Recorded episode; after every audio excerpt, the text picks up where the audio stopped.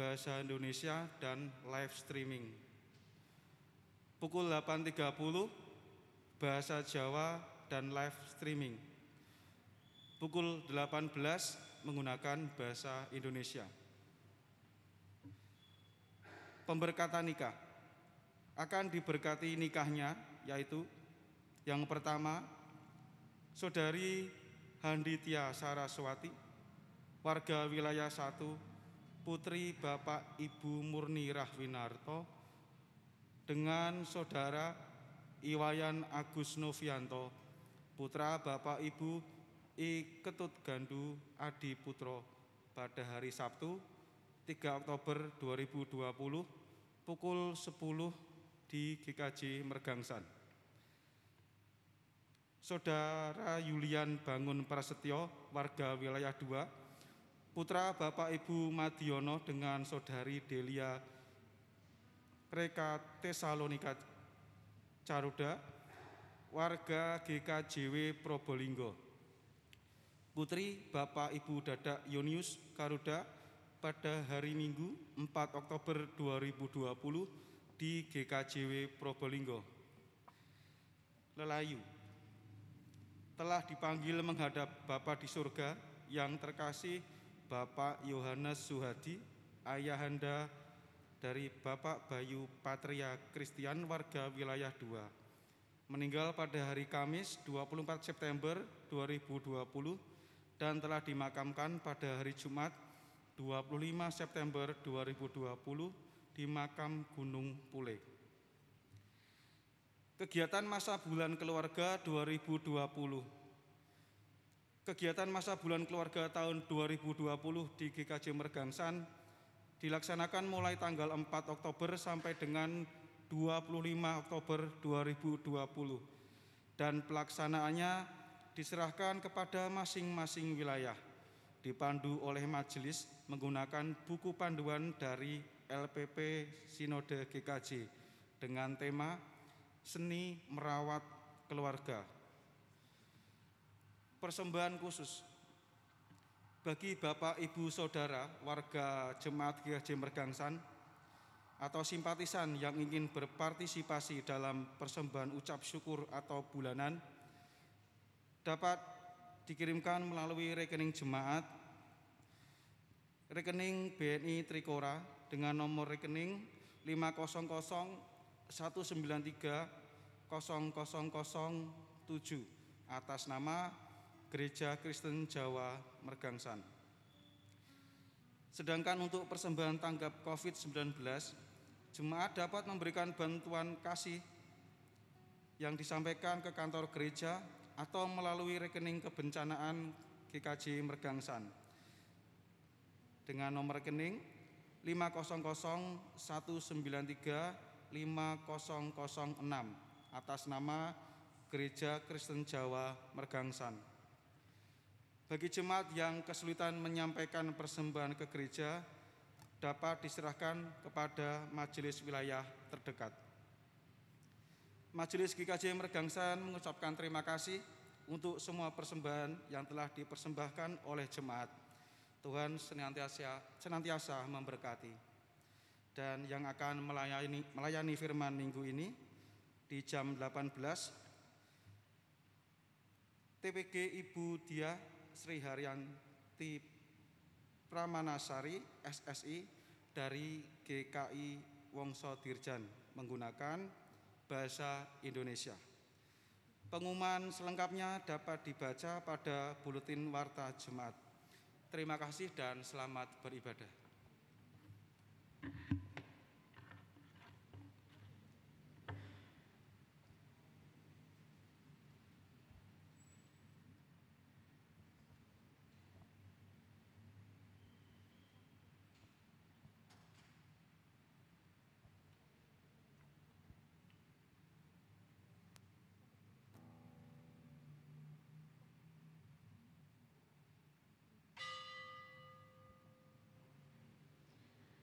Shalom saudara yang dikasih Tuhan, selamat datang kembali di ibadah ekspresif GKJ Mergangsan 27 September 2020 dengan tema ibadah sebagai tanda kesetiaan. Malam hari ini ibadah ekspresif dilayani oleh Fire Generation Indonesia. Dan Fire Generation Indonesia uh, memiliki ibadah bagi saudara yang rindu untuk beribadah bersama-sama dengan kami, baik eh, anak-anak uh, muda di kampus-kampus maupun sekolah-sekolah, ada tiap hari Selasa jam 6 sore dan hari Rabu jam 5 sore secara online. Mari saudara sebelum kita memulai ibadah pada malam hari ini, marilah kita sama-sama datang sama Tuhan, kita berdoa sama Tuhan saudara. Bapak ngucap syukur Tuhan buat malam hari ini ketika kami boleh berkumpul kembali di tempat ini Tuhan bersekutu bersama-sama dengan Kau Bapak. Kami bersyukur Tuhan ketika uh, kami boleh berada di tempat ini, kami boleh hidup sampai hari ini Tuhan, kami boleh punya kesehatan yang luar biasa Tuhan. Itu semua karena Engkau malam hari ini Tuhan biarkan kami boleh memuji dan memuliakan namamu lebih lagi Tuhan. Kau berkati setiap ibadah kami pada malam hari ini dari awal, pertengahan hingga akhir. Biar hanya namamu saja yang dimuliakan Tuhan atas tempat ini. Terima kasih Allah, terima kasih Yesus di dalam namamu. Kami berdoa ucap syukur, haleluya. Amin. Mari saudara malam hari ini saya mengundang saudara untuk bangkit berdiri dan kita saling menyapa satu dengan yang lain dengan menggunakan protokol kesehatan yang ada sambil kita memujikan satu pujian bagimu damai sejahtera.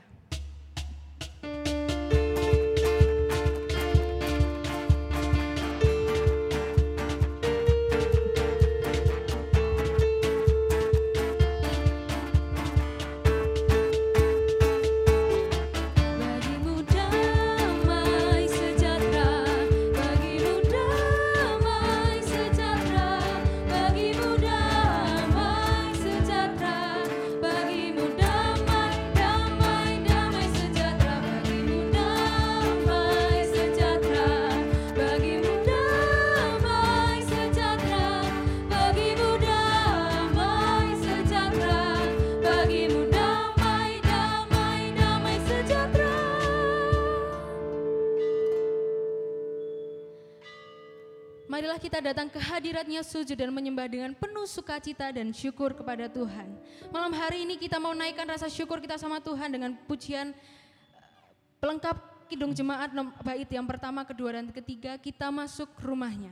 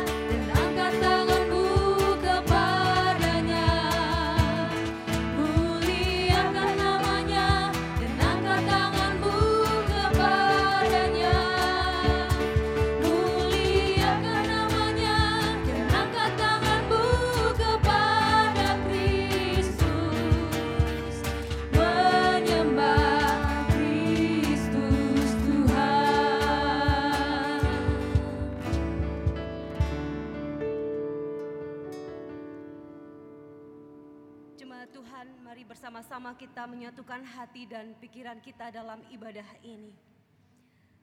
Tuhan yang menciptakan langit dan bumi adalah sumber pertolongan kami.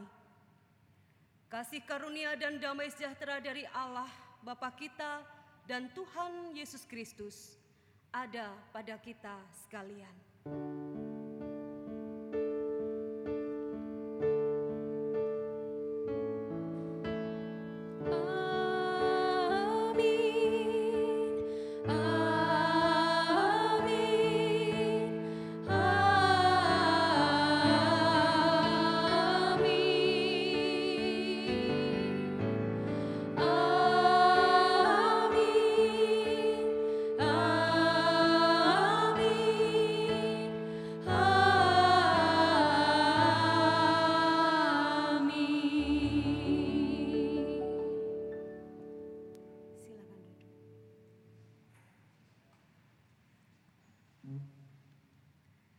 Selamat sore jemaat yang terkasih di dalam Kristus Yesus.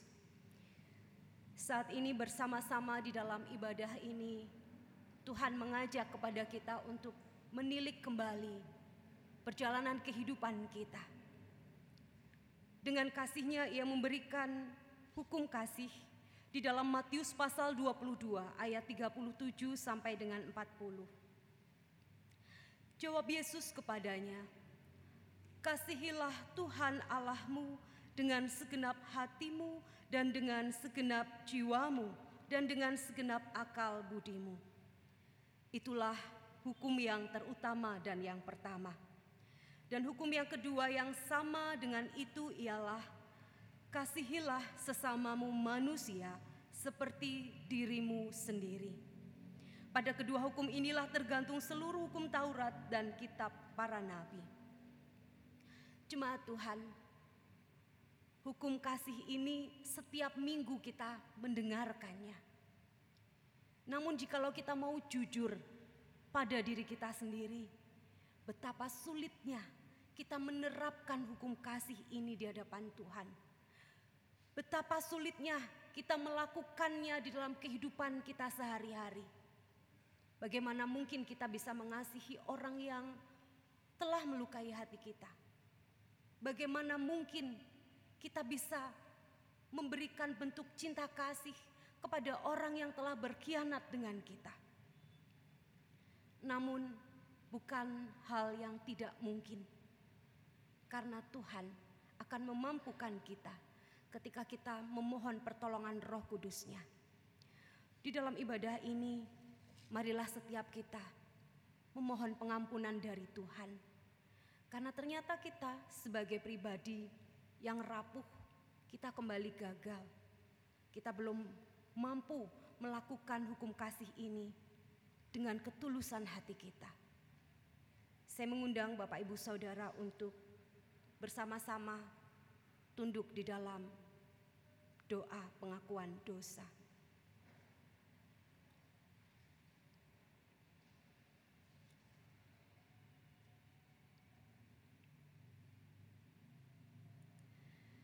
Kami menyadari Tuhan bahwa kami masih jauh dari apa yang Engkau kehendaki dalam hidup kami. Ampunilah kami Tuhan, jikalau kami yang mengaku sebagai murid-murid Kristus, kami lebih sering mendengar suara hati kami sendiri dibanding suara Tuhan. Sehingga akibatnya kami belum mampu mengasihi sesama kami, lebih-lebih mengasihi mereka yang telah melukai hati kami. Ibadah yang kami lakukan setiap minggu serasa hanya formalitas dan rutinitas yang kami kerjakan. Kami tidak mampu menghidupinya dalam kehidupan keseharian kami. Dengan berdalih kami manusia yang rapuh, kami tidak mampu dan tidak sanggup melakukan apa yang menjadi bagian kami. Tuhan, kami mohon berkenanlah Engkau mengampuni segala dosa dan pelanggaran kami. Di dalam Kristus Yesus, Sang penebus dosa kami, kami memohon pengampunanmu. Amin.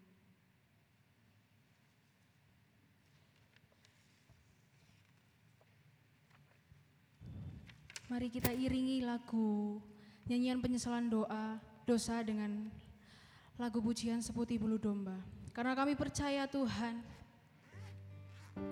Kau adalah satu-satunya pribadi yang tidak pernah melupakan kami dan tidak pernah meninggalkan kami Tuhan. Apa pun yang terjadi dalam setiap hidup kami, kami bersyukur punya Allah seperti Engkau Tuhan.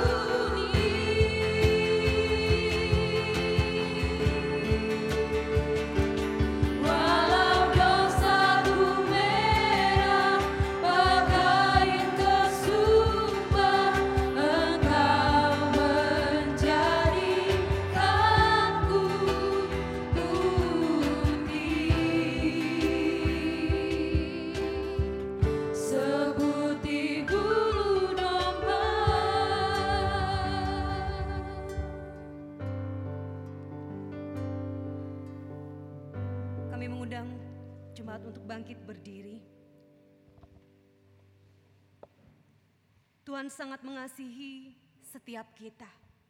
Sebab itu terimalah berita anugerah yang dinyatakan dalam kitab Yesaya pasal 1 ayatnya yang ke-18. Marilah, baiklah kita berperkara. Firman Tuhan, sekalipun dosamu merah seperti kirmisi, akan menjadi putih seperti salju. Sekalipun berwarna merah seperti kain kesumba, akan menjadi putih seperti bulu domba.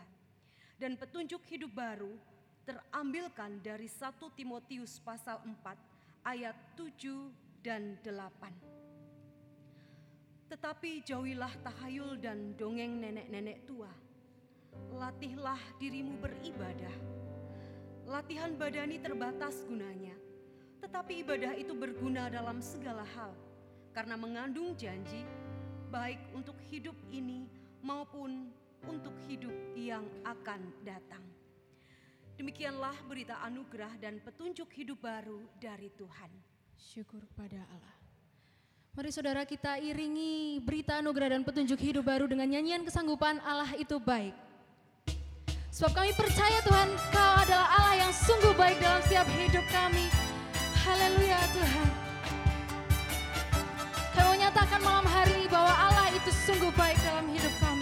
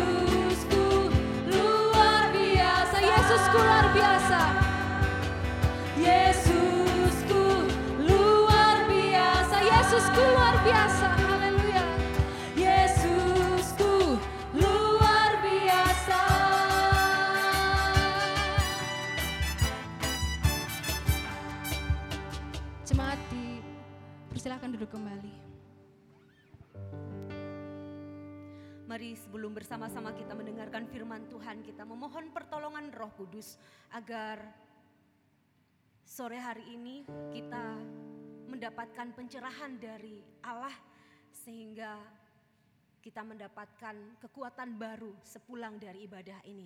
Mari kita bersatu di dalam doa.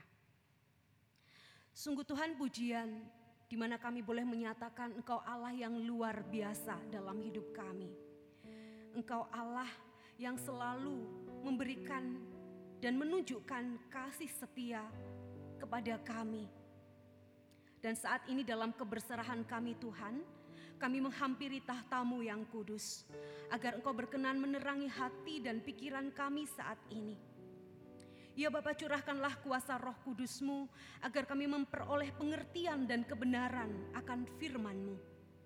Tolong kami Tuhan, agar ketika firman-Mu itu menegur bagian kehidupan kami, kami tidak mengeraskan hati kami. Kami tidak mencari pembenaran diri, namun hati kami boleh Tuhan lembutkan agar kami mampu menerima firman ini dengan sukacita dan kami boleh menyambutnya dalam perubahan diri melalui sikap dan tutur kata kami.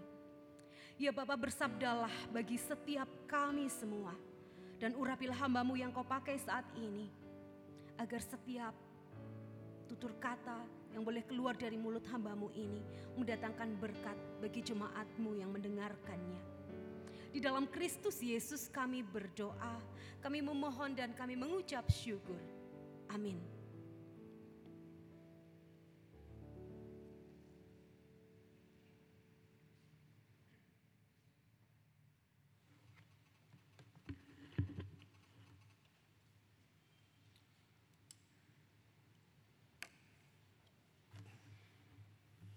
Bacaan pertama dari Keluaran 17 ayat 1 sampai 7 di Masa dan di Meriba. Kemudian berangkatlah segenap jemaat Israel dari padang gurun Sin, berjalan dari tempat persinggahan ke tempat persinggahan sesuai dengan titah Tuhan. Lalu berkemahlah mereka di Rafidim tetapi di sana tidak ada air untuk diminum bangsa itu. Jadi, mulailah mereka itu bertengkar dengan Musa, kata mereka, "Berikanlah air kepada kami supaya kami dapat minum." Tetapi Musa berkata kepada mereka, "Mengapakah kamu bertengkar dengan aku? Mengapakah kamu mencobai Tuhan?" Hauslah bangsa itu akan air di sana. Bersungut-sungutlah bangsa itu kepada Musa dan berkata, Mengapa pula engkau memimpin kami keluar dari Mesir untuk membunuh kami, anak-anak kami, dan ternak kami dengan kehausan? Lalu berseru-serulah Musa kepada Tuhan, katanya, Apakah yang akan kulakukan kepada bangsa ini Sebentar lagi mereka akan melempari aku dengan batu.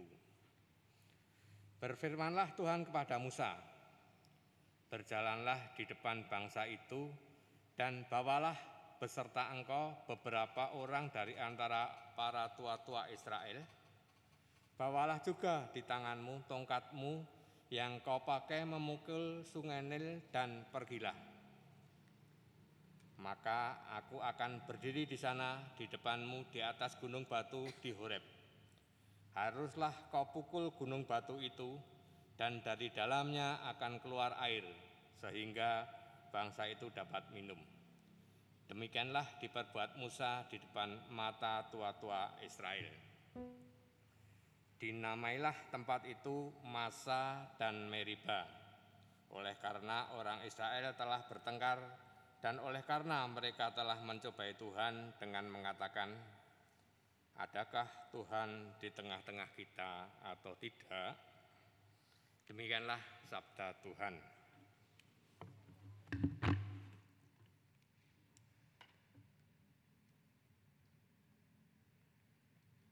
Pembacaan Injil diambil dari Injil Tuhan Yesus Kristus menurut Matius pasal 21 ayat 23 sampai dengan 32.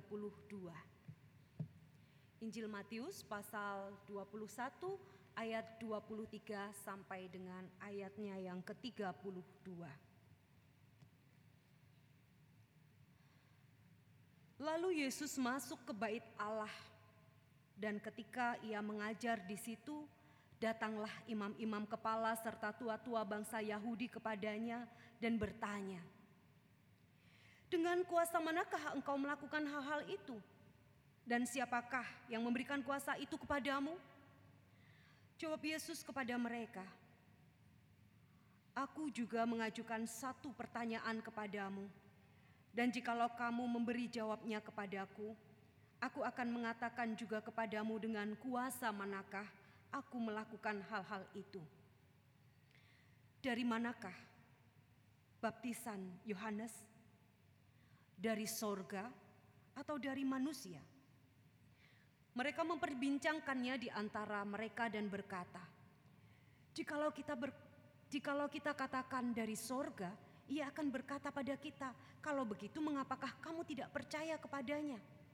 Tetapi jikalau kita katakan dari manusia, kita takut kepada orang banyak, sebab semua orang menganggap Yohanes ini nabi." Lalu mereka menjawab Yesus, "Kami tidak tahu." Dan Yesus pun berkata kepada mereka, jika demikian, aku juga tidak mengatakan kepadamu dengan kuasa manakah aku melakukan hal-hal itu. Tetapi apakah pendapatmu tentang ini? Seorang mempunyai dua anak laki-laki. Ia pergi kepada anak yang sulung dan berkata, "Anakku, pergi dan bekerjalah hari ini dalam kebun anggur." Jawab anak itu, "Baik, Bapak." Tetapi ia tidak pergi. Lalu orang itu pergi kepada anak yang kedua dan berkata demikian juga. Dan anak itu menjawab, "Aku tidak mau." Tetapi kemudian ia menyesal, lalu pergi juga. Siapakah di antara kedua orang itu yang melakukan kehendak ayahnya? Jawab mereka, "Yang terakhir." Kata Yesus kepada mereka, Aku berkata kepadamu, sesungguhnya pemungut-pemungut cukai dan perempuan-perempuan sundal akan mendahului kamu masuk ke dalam kerajaan Allah. Sebab Yohanes datang untuk menunjukkan jalan kebenaran kepadamu, dan kamu tidak percaya kepadanya. Tetapi pemungut-pemungut cukai dan perempuan-perempuan sundal percaya kepadanya dan meskipun kamu melihatnya, tetapi kemudian kamu tidak menyesal dan kamu tidak juga percaya kepadanya. Jemaat Tuhan, demikianlah Injil Tuhan Yesus Kristus yang berbahagia adalah setiap kita yang mendengar firman Allah, memeliharanya, terlebih berbahagia ketika kita dimampukan untuk melakukannya. Haleluya.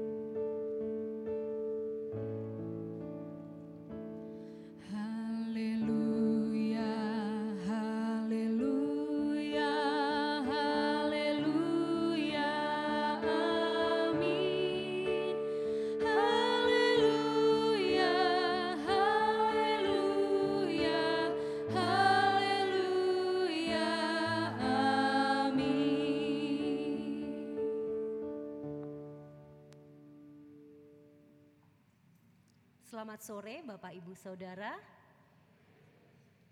Puji Tuhan sehat semua nggih? Iya, kalau nggak sehat nggak boleh pergi ke gereja ya sekarang ini. Iya, Bapak Ibu supaya kita lebih lagi bertambah imunnya saya ingin bercerita sedikit. Alkisah Jangan tertidur ya Bapak Ibu karena saya akan sedikit mendongeng gitu ya. Alkisah ada seorang murid Konfusius yang sangat terkenal. Umurnya 80 tahun. Ada di sini yang rawuh 80 tahun? Tidak ada ya, mungkin tidak boleh ya. Oh, wonten Ibu. pun wolung dosa, Bu. 82. Wah, luar biasa ya. Nah, kurang lebih seumuran Ibu Ibu sinten Bu? Mariati. Oh inje. Nah, murid Konfusius ini seumuran dengan Ibu Mariati. Dan di daerah Cina, di dataran Cina, tidak ada seorang pun yang bisa menyamai kepakarannya dalam pengetahuan dan juga pemahaman ajaran Konfusius. Nah, hari itu murid Konfusius ini dia mendengar bahwa di suatu tempat yang sangat jauh dan terpencil telah muncul ajaran dan doktrin yang baru. Dan mendengar kabar burung, orang-orang banyak membicarakannya bahwa doktrin ini lebih hebat dari apa yang diajarkannya. Nah hal ini nih membuat si pakar Konfusius ini menjadi gusar. Membuat si pakar Konfusius ini menjadi kesal. Dia kehilangan semangat hidup. Dia mulai gelisah, dia gundah, dia resah. Dan akhirnya Bapak Ibu Saudara, karena kegundahannya ini memaksa dia untuk menyelesaikan dengan cara apa pun.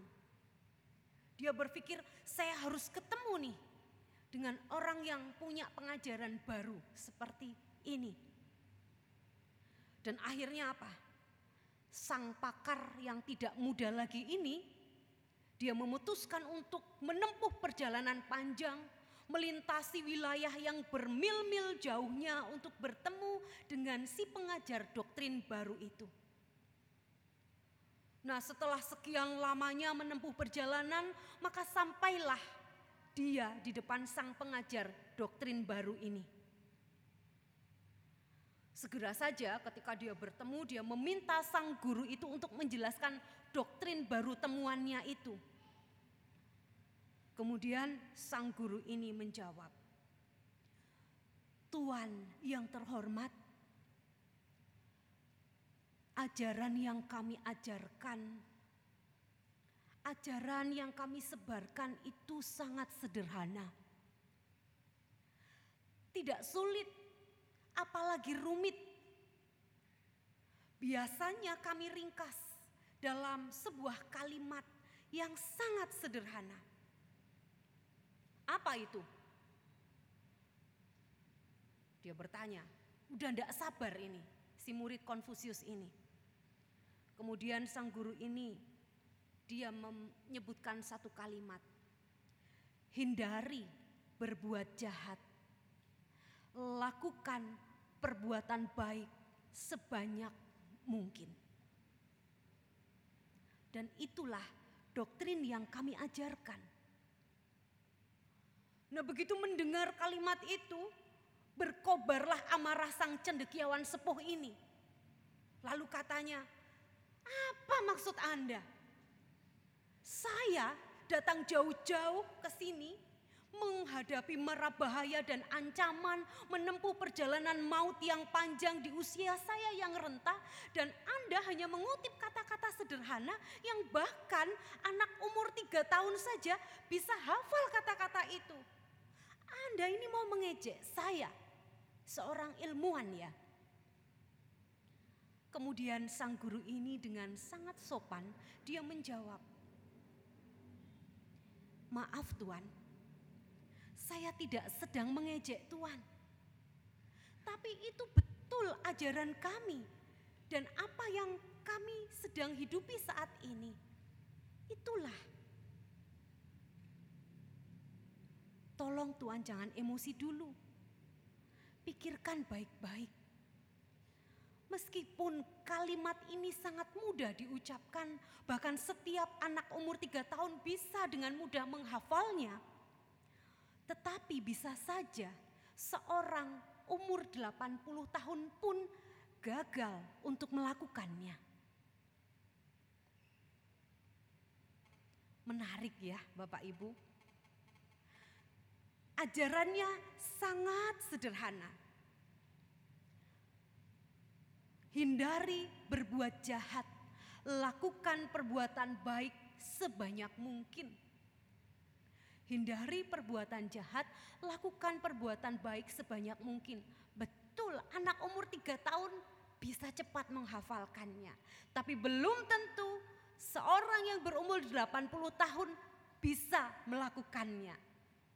Jemaat yang terkasih, ketika kita berbicara, menghafal, mengerti dan memahami, bisa saja jauh panggang dari api dengan perilaku hidup perkataan dan ajaran yang kita pegangi bisa jadi berbeda dengan apa yang kita lakukan.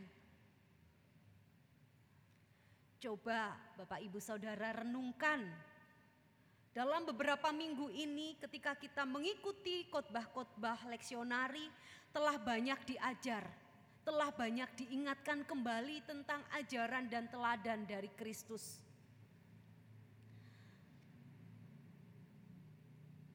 Nah, coba kita jujur dengan diri sendiri. Tidak usahlah lihat orang lain. Benarkah dengan sekuat tenaga kita melakukan firman itu? Benarkah dalam kehidupan kita sehari-hari kita menghidupi ibadah kita? Jangan-jangan kita hanya melakukan ibadah secara ritual dan formalitas saja di dalam gedung gereja, tetapi setelah selesai kita lupa akan makna ibadah yang sesungguhnya. Yang mengherankan, sering kali kita merasa tidak bermasalah, bahkan kita merasa aman-aman saja ketika tidak melakukan firman itu dengan baik. Sebagian orang Kristen tetap yakin bahwa perilaku mereka dalam kehidupan sehari-hari ini tidaklah berpengaruh terhadap janji keselamatan dari Tuhan. Loh ngapain? Orang Kristen itu kan sudah punya jaminan keselamatan. Ngapain harus repot-repot berbuat baik? Bapak Ibu Saudara, tidak sedikit toh orang Kristen yang melakukan tindakan korupsi. Tidak sedikit juga kan orang Kristen yang tidak mematuhi rambu lalu lintas. Tidak sedikit juga kan orang Kristen yang menindas orang lain.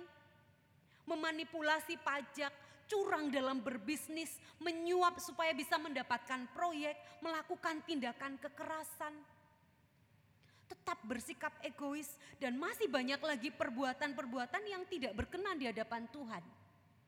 Dan tidak sedikit orang Kristen yang bersikap menggerutu, marah-marah, lalu menyalahkan Tuhan. Lah salah sendiri toh, Tuhan mengirimkan virus corona ini. Sekarang kehidupan semakin sulit.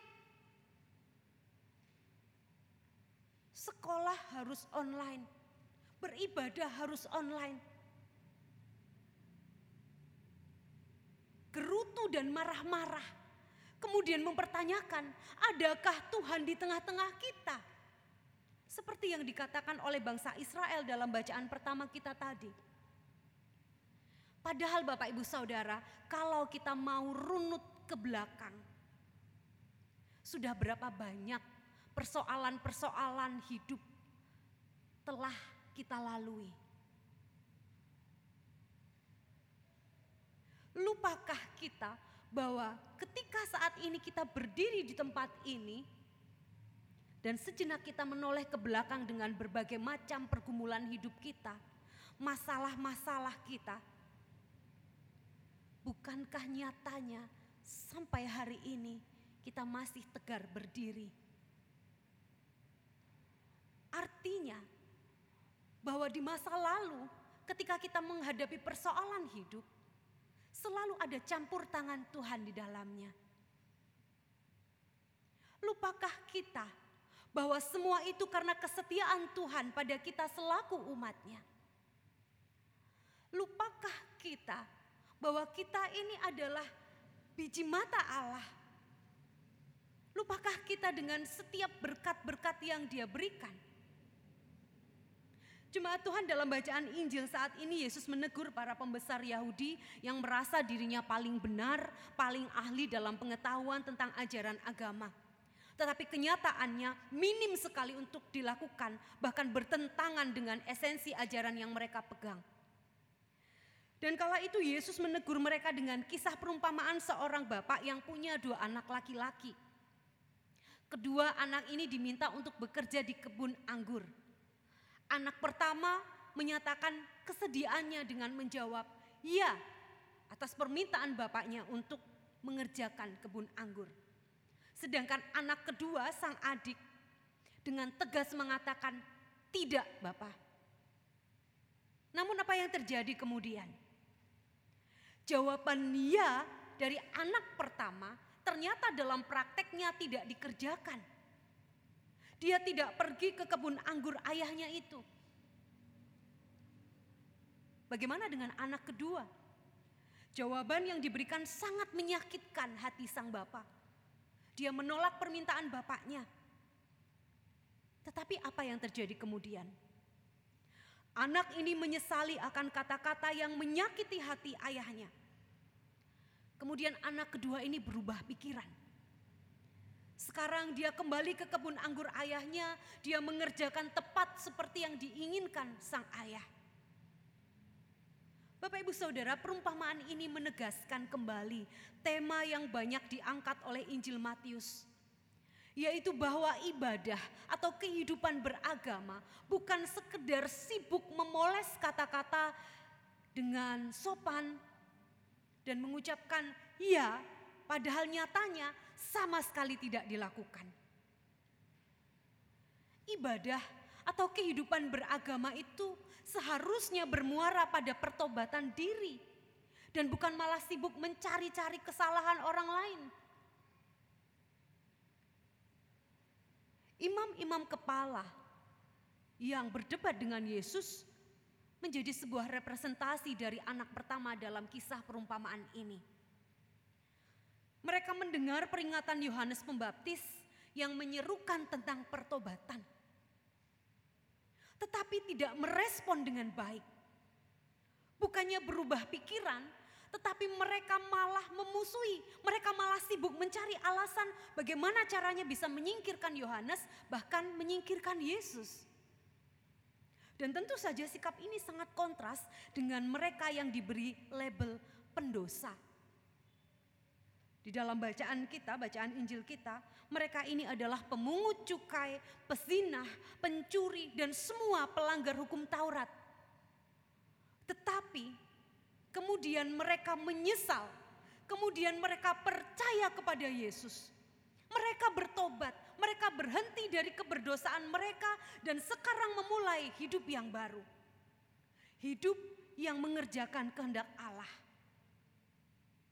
Nah, ini persis seperti anak kedua yang semula dia menolak permintaan ayahnya, tetapi kemudian dia kembali. Ada penyesalan dalam dirinya, dan akhirnya dia mau mengerjakan, mau menggarap kebun anggur itu. Melalui perumpamaan ini, Tuhan Yesus ingin membuka pikiran mereka bahwa bukan orang-orang yang punya pengertian, punya keyakinan dan kesetiaan melakukan kewajiban keagamaan yang diperkenan Allah, tetapi orang-orang yang dapat melakukan dan mewujudkan kehendak Allah dalam kehidupannya sehari-hari. Orang-orang yang diperkenan Allah itu bukan orang yang sempurna. Orang-orang yang diperkenan Allah itu bukan orang yang tidak pernah melakukan kesalahan.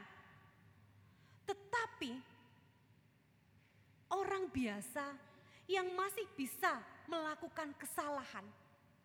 Hanya mereka mau dengan rendah hati selalu bersedia menerima teguran dan mau memperbaiki kesalahan. Mereka bisa menyadari, mereka bisa menyesali kesalahannya, lalu mereka bertobat. Pertobatan yang tidak hanya diucapkan dengan mulutnya, tetapi juga dinyatakan dalam perilakunya, dalam kehidupan sehari-hari. Jadi, Bapak Ibu Saudara, jangan merasa bangga jika kehidupan kekristenan kita hanya sampai pada tahap memiliki pengetahuan tentang iman Kristen dan menjalankan kewajiban keagamaan sebagai orang Kristen. Hanya dengan memiliki banyak pengetahuan Alkitab, kemudian rajin beribadah setiap hari Minggu, tekun berdoa dan giat melayani, hidup kita belum menjadi hidup yang diperkenan Allah. Jika hidup kekristenan kita hanya berhenti pada titik ini, maka kita tidak lebih baik dari para, dari para imam dan tua-tua pemimpin agama bangsa Israel yang kala itu ditegur oleh Tuhan Yesus. Pengetahuan dan pengakuan kita akan Allah harus membawa pertobatan dan pembaruan hidup bagi diri kita. Sejarah kitab suci mengajarkan bahwa bukan karena keturunan tertentu atau merasa diri umat istimewa kemudian dapat mengecualikan untuk tidak melakukan kehendaknya dengan sungguh-sungguh. Tetapi malah sebaliknya, Tuhan meminta untuk setiap orang yang telah mengenalnya dengan baik harus memperhatikan hidup jauh lebih baik lagi. Sebaliknya, bisa saja pada mulanya kita tidak menyukai ibadah, kita tidak ingin, kita tidak memiliki kerinduan tentang pengenalan akan Tuhan, kita hidup dalam dosa, kita menikmati dosa. Ingatlah Bapak Ibu Saudara, bahwa bagi Tuhan tidak ada kata terlambat untuk bertobat.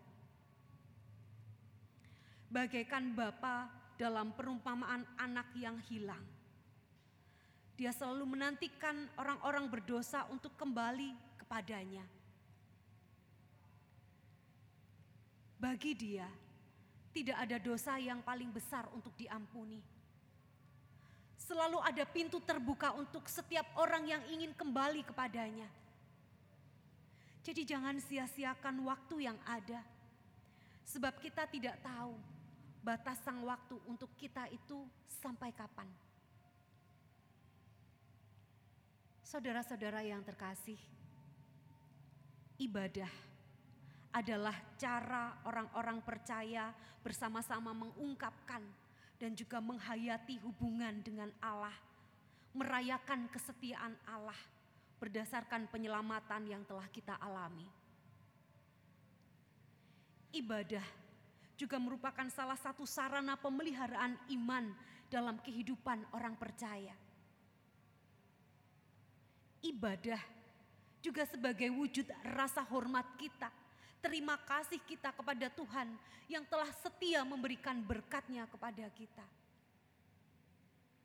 Tetapi ingat, ibadah bukanlah berhenti pada selesainya liturgi di gereja ini saja.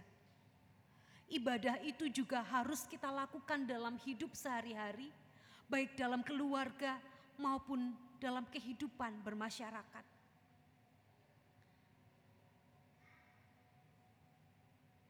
Dengan demikian, ibadah yang kita lakukan akan bisa memberikan perubahan bagi kehidupan kita. Di dalam ibadah ini, kita merasakan adanya perjumpaan kita dengan Tuhan.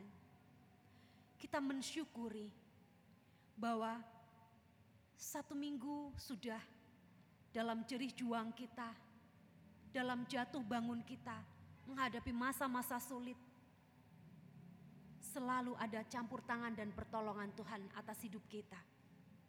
Dan saat ini, ketika kita dipertemukan dalam persekutuan ini, kita hendak mengungkapkan syukur kita, berterima kasih bahwa sampai detik ini Tuhan masih beserta dengan kita. Tuhan masih memberikan kasihnya dengan wujud kita masih diberikan kesempatan hidup. Saudaraku, Selamat menikmati kesetiaan Tuhan dalam setiap jeris juang kita.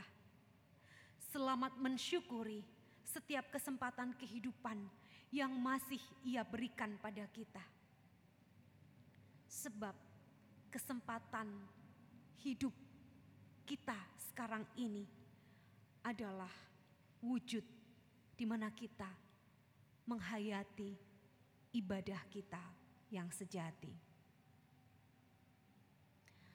Tuhan memberkati, Tuhan menguatkan, Tuhan menopang Bapak Ibu Saudara di dalam kancah perjuangan kehidupan Anda. Kristus Yesus memberkati kita. Amin. Saat teduh bagi kita bersama. Mari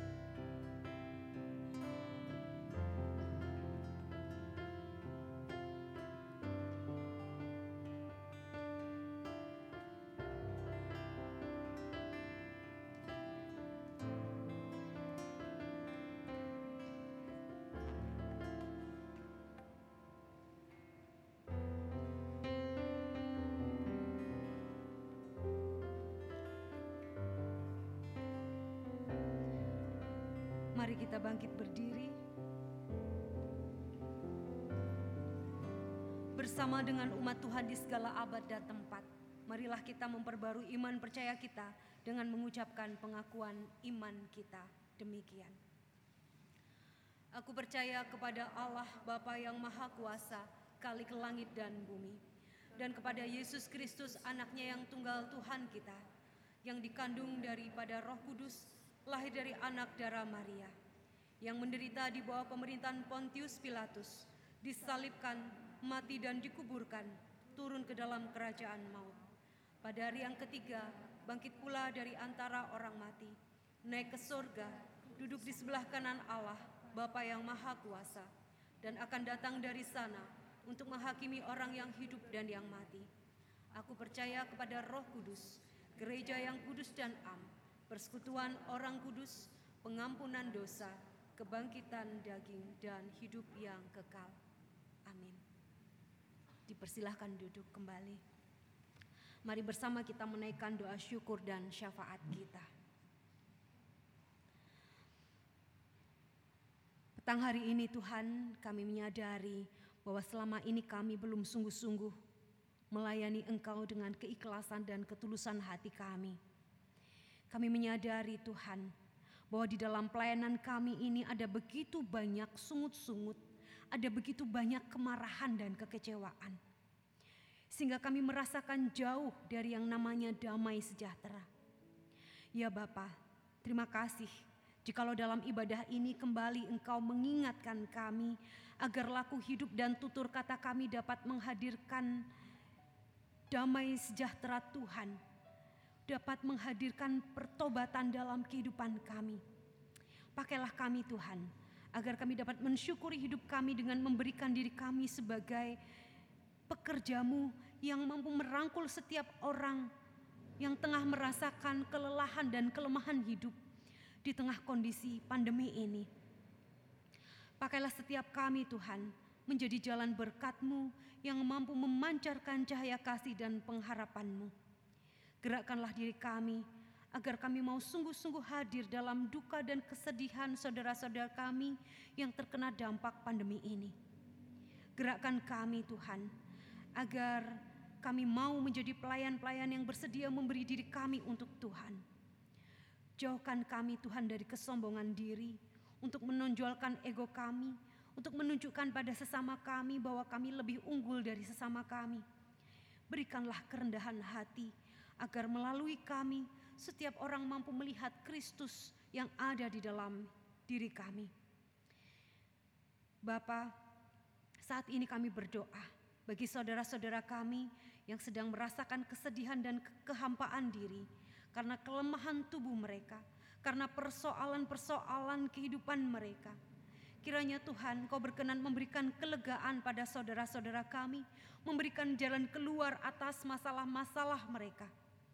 Kami juga menaikkan syukur kami atas pertolongan Tuhan bagi anak-anak kami yang telah memasuki tahun ajaran baru dalam studi mereka.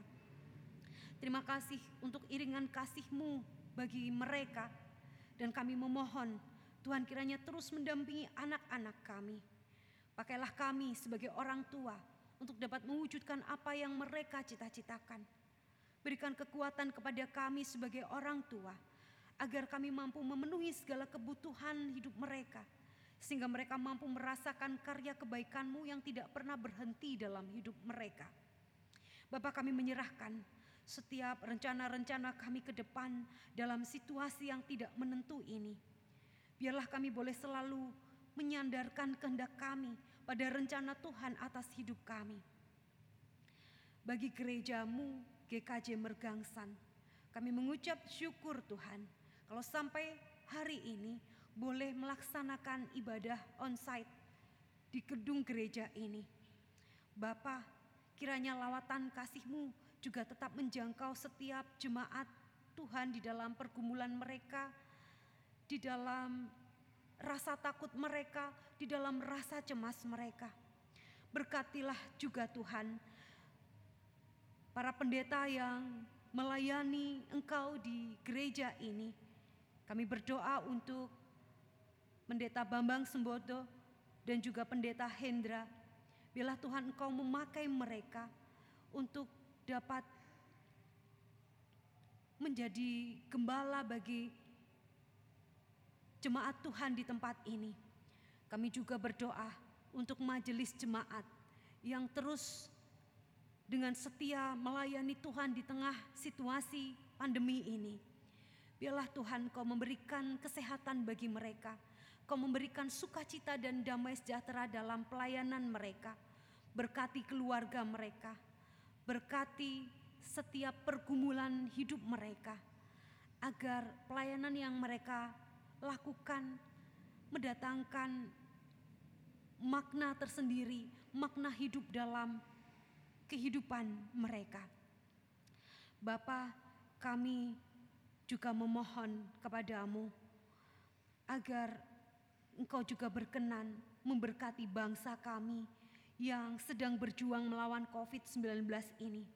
Berkatilah presiden kami agar ia beroleh hati yang bijaksana di dalam menentukan kebijakan-kebijakan dan keputusan-keputusan bagi bangsa kami. Jauhkan ia dari orang-orang yang berniat jahat kepadanya, sehingga ia boleh menyelesaikan tugas tanggung jawabnya mengatur bangsa ini. Tuhan kami menyerahkan segala rencana-rencana kami ke depan. Kiranya kami tetap memiliki semangat dan harapan bahwa kami bisa melalui semua perjalanan hidup kami sampai kami dapat menjadi orang-orang yang berkemenangan di dalam Engkau. Dengar ya Tuhan, seru sembahyang kami yang kami naikkan di dalam nama Tuhan kami Yesus Kristus. Amin.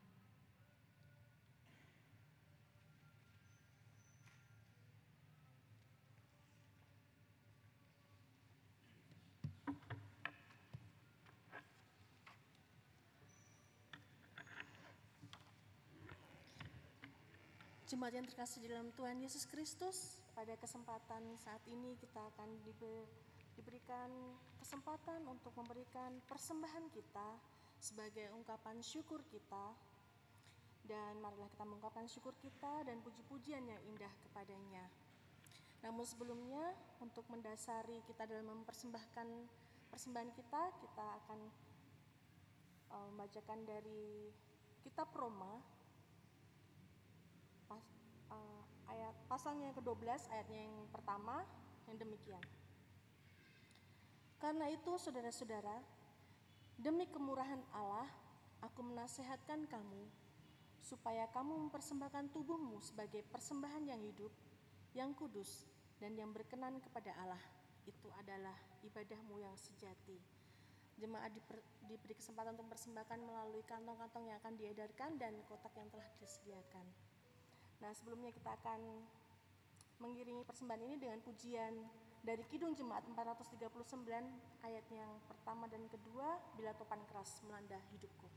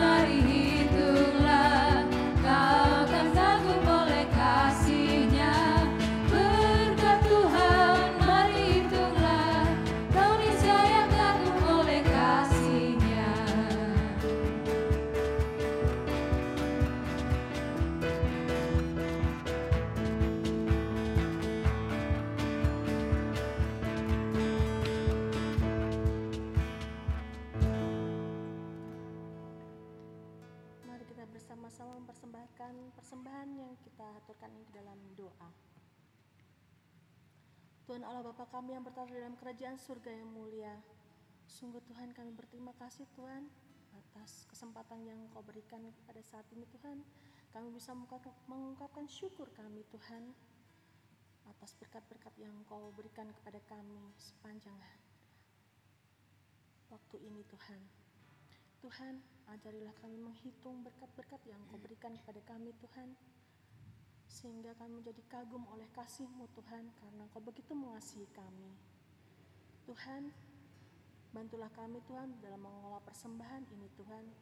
Kiranya persembahan ini dapat kami jadikan untuk pelebaran kerajaan-Mu Tuhan di dunia ini Tuhan. Sebagai alat kasih-Mu Tuhan kepada jemaat-Mu di PKJ Mergasan ini maupun di sekitar kami Tuhan. Sehingga namamu semakin dimuliakan dan semakin diagungkan di dunia ini Tuhan. Tuhan, kami serahkan doa dan ungkapan syukur kami ini Tuhan ke dalam tanganmu yang kudus, Tuhan kami Yesus Kristus yang telah kami yang telah mengajarkan doa kepada kami, Bapa kami. Bapa kami. Yesus.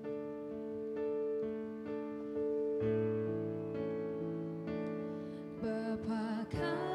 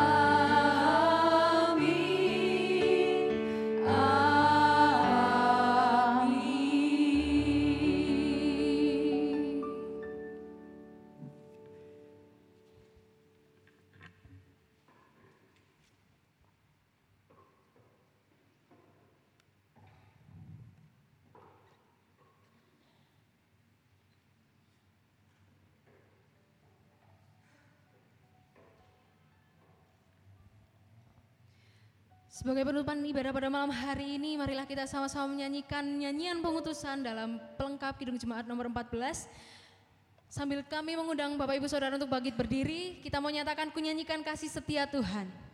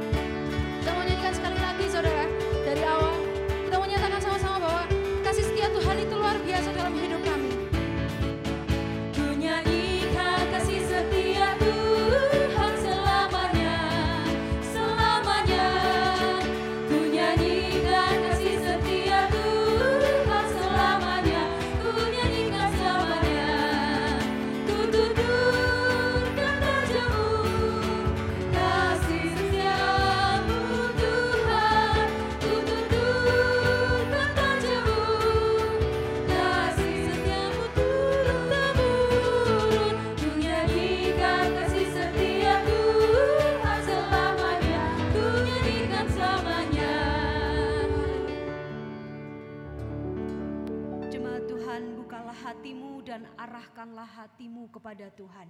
Kami mengarahkan hati kepada Tuhan. Jadilah saksi-saksi Kristus dan wujudkanlah dalam setiap tindakanmu. Kami adalah saksi-saksi yang setia. Terpujilah Tuhan dan muliakanlah Dia di dalam hidupmu. Kami akan memuliakan Tuhan kini dan selama-lamanya. Mari bersama kita menerima berkatnya.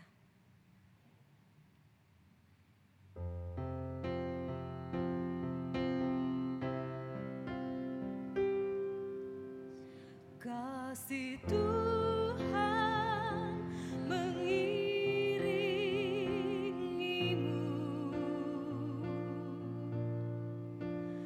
Dan sayapnya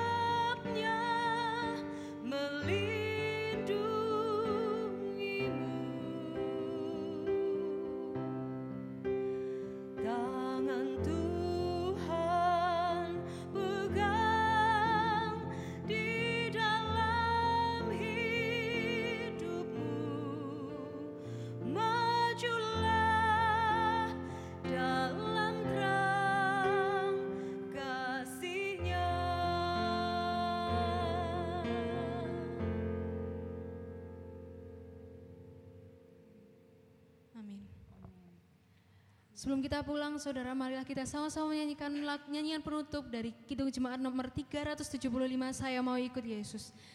Kita menyatakan malam hari ini, saudara, dengan melalui lagu ini,